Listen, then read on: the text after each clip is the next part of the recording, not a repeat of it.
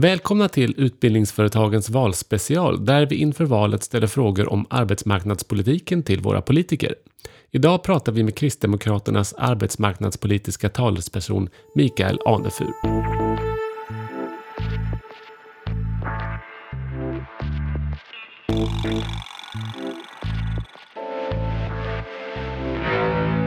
Välkommen Mikael! Tack så mycket! Är det mycket att stå i? ja, det var ett understatement höll jag på att säga. Snart vet jag inte vilket stad jag är i men ja, det är mycket nu.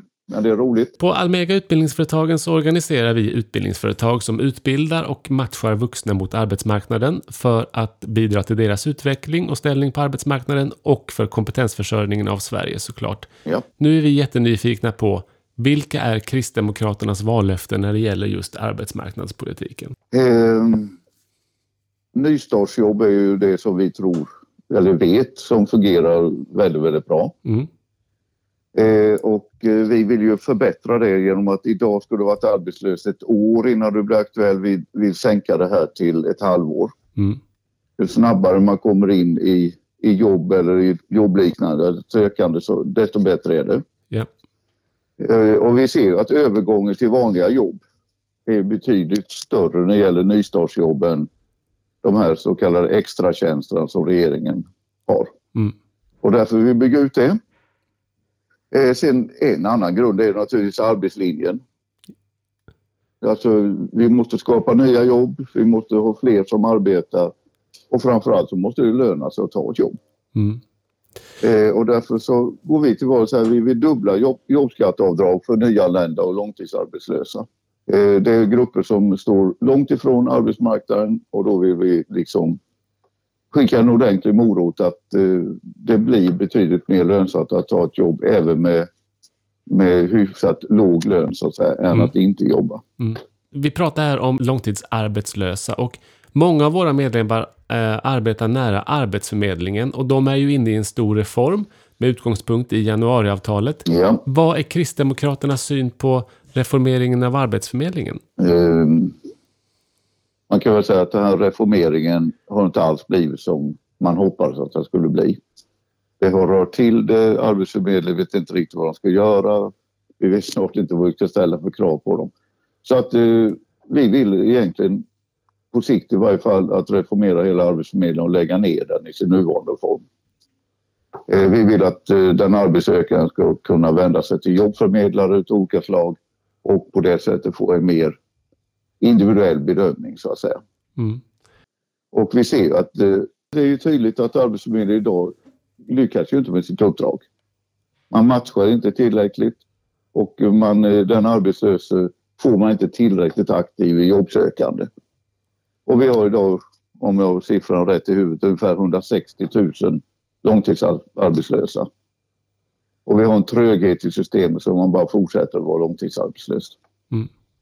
Så att, eh, och vår lösning då för att se hur skulle vi kunna göra det här. Vi vill ha, satsa på yrkesvux. Vi tycker att det är en rimlig och bra åtgärd att säga att här finns det plats i arbete och yrken. Här har du en utbildning. Gör du den så är du i princip garanterad ett jobb efter. Mm. Det, vi tror att det är bättre än eh, många av de arbetsmarknadsutbildningar och så här och arbetsmarknadsåtgärder och att de kan vara nästan vad som helst. Ja. Så att mer satsning på yrkesvux så kommer vi att lösa en del av problemet. Vi har ju också, om en månad ungefär, så kommer omställningsstudiestödet att lanseras i syfte att stärka de som faktiskt redan befinner sig på eh, arbetsmarknaden idag och underlätta förflyttningen. Och samtidigt börjar också det nya LAS-avtalet att gälla. Hur ser Kristdemokraterna på det nya LAS-avtalet och omställningsstudiestödet? Eh, LAS-avtalet är väl den perfekta kompromissen. Ingen är egentligen nöjd. Men ingen är heller så missnöjd som man säger nej. Och det är bra. Det är arbetsmarknadens parter som ska göra det här. Nu har de gjort det. Vi accepterar det naturligtvis.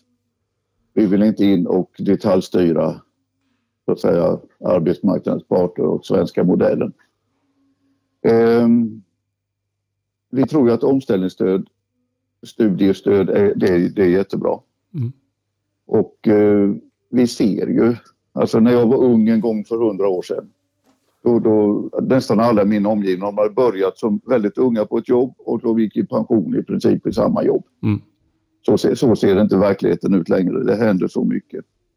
Så man måste vara beredd att uh, vidareutbilda sig, fortbilda sig och kanske helt enkelt byta bransch eller jobb totalt. Och då är ju ett omställningsstudiestöd bra så att säga. Mm. Och omställningsstudiestödet riktar ju sig till individen för att kunna bredda sig och, växla yrke, precis som du nämner. Sen ser vi på Almega hur investeringarna för personalutbildning hos svenska företag har minskat under 2000-talet samtidigt som det här kompetensutvecklingsbehovet är enormt. Och där har vi föreslagit mm. ett kompetensavdrag för företag som investerar i personalutbildning där halva kostnaden för köp av utbildning skulle kunna dras av mot skattekontot. Hur ser ni i Kristdemokraterna på den här typen av kompetensavdrag för företag? Eh, vi har ju ett förslag om en konstruktion med kompetenskonto som vi kallar det då. Mm. Där företag ska så att säga känna att det lönar sig att erbjuda kompetenskonto som en extra förmån. Man kan diskutera det i samband med löneförhandlingar och så vidare. Och det här kompetenskontot som man då bygger upp så att säga ska kunna disponeras fritt av den anställde för fortbildning. Antingen att man blir tjänstledig eller under den anställning man har om det går. Mm. Och till och med att man ska kunna ta det med sig vid en eventuell uppsägning. Just det. Så att eh, vi, vi, vi, vi, har en konstruktion på det här som i grunden liknar ganska mycket tror jag. Det som ni, ni, ni också pratar om kompetensavdrag då så att säga. Du Mikael, det var mina frågor till dig. Stort tack för att du tog ja. dig tid. Ja, men tack själv. Och då hoppas jag att du får en fortsatt bra valrörelse och att du lyckas hålla koll på vilka städer du befinner dig i. Ja, jag får försöka. Ja, det är bra. Ha det gott du. Ha det bra. Tack. Tack du. Hej. Hej.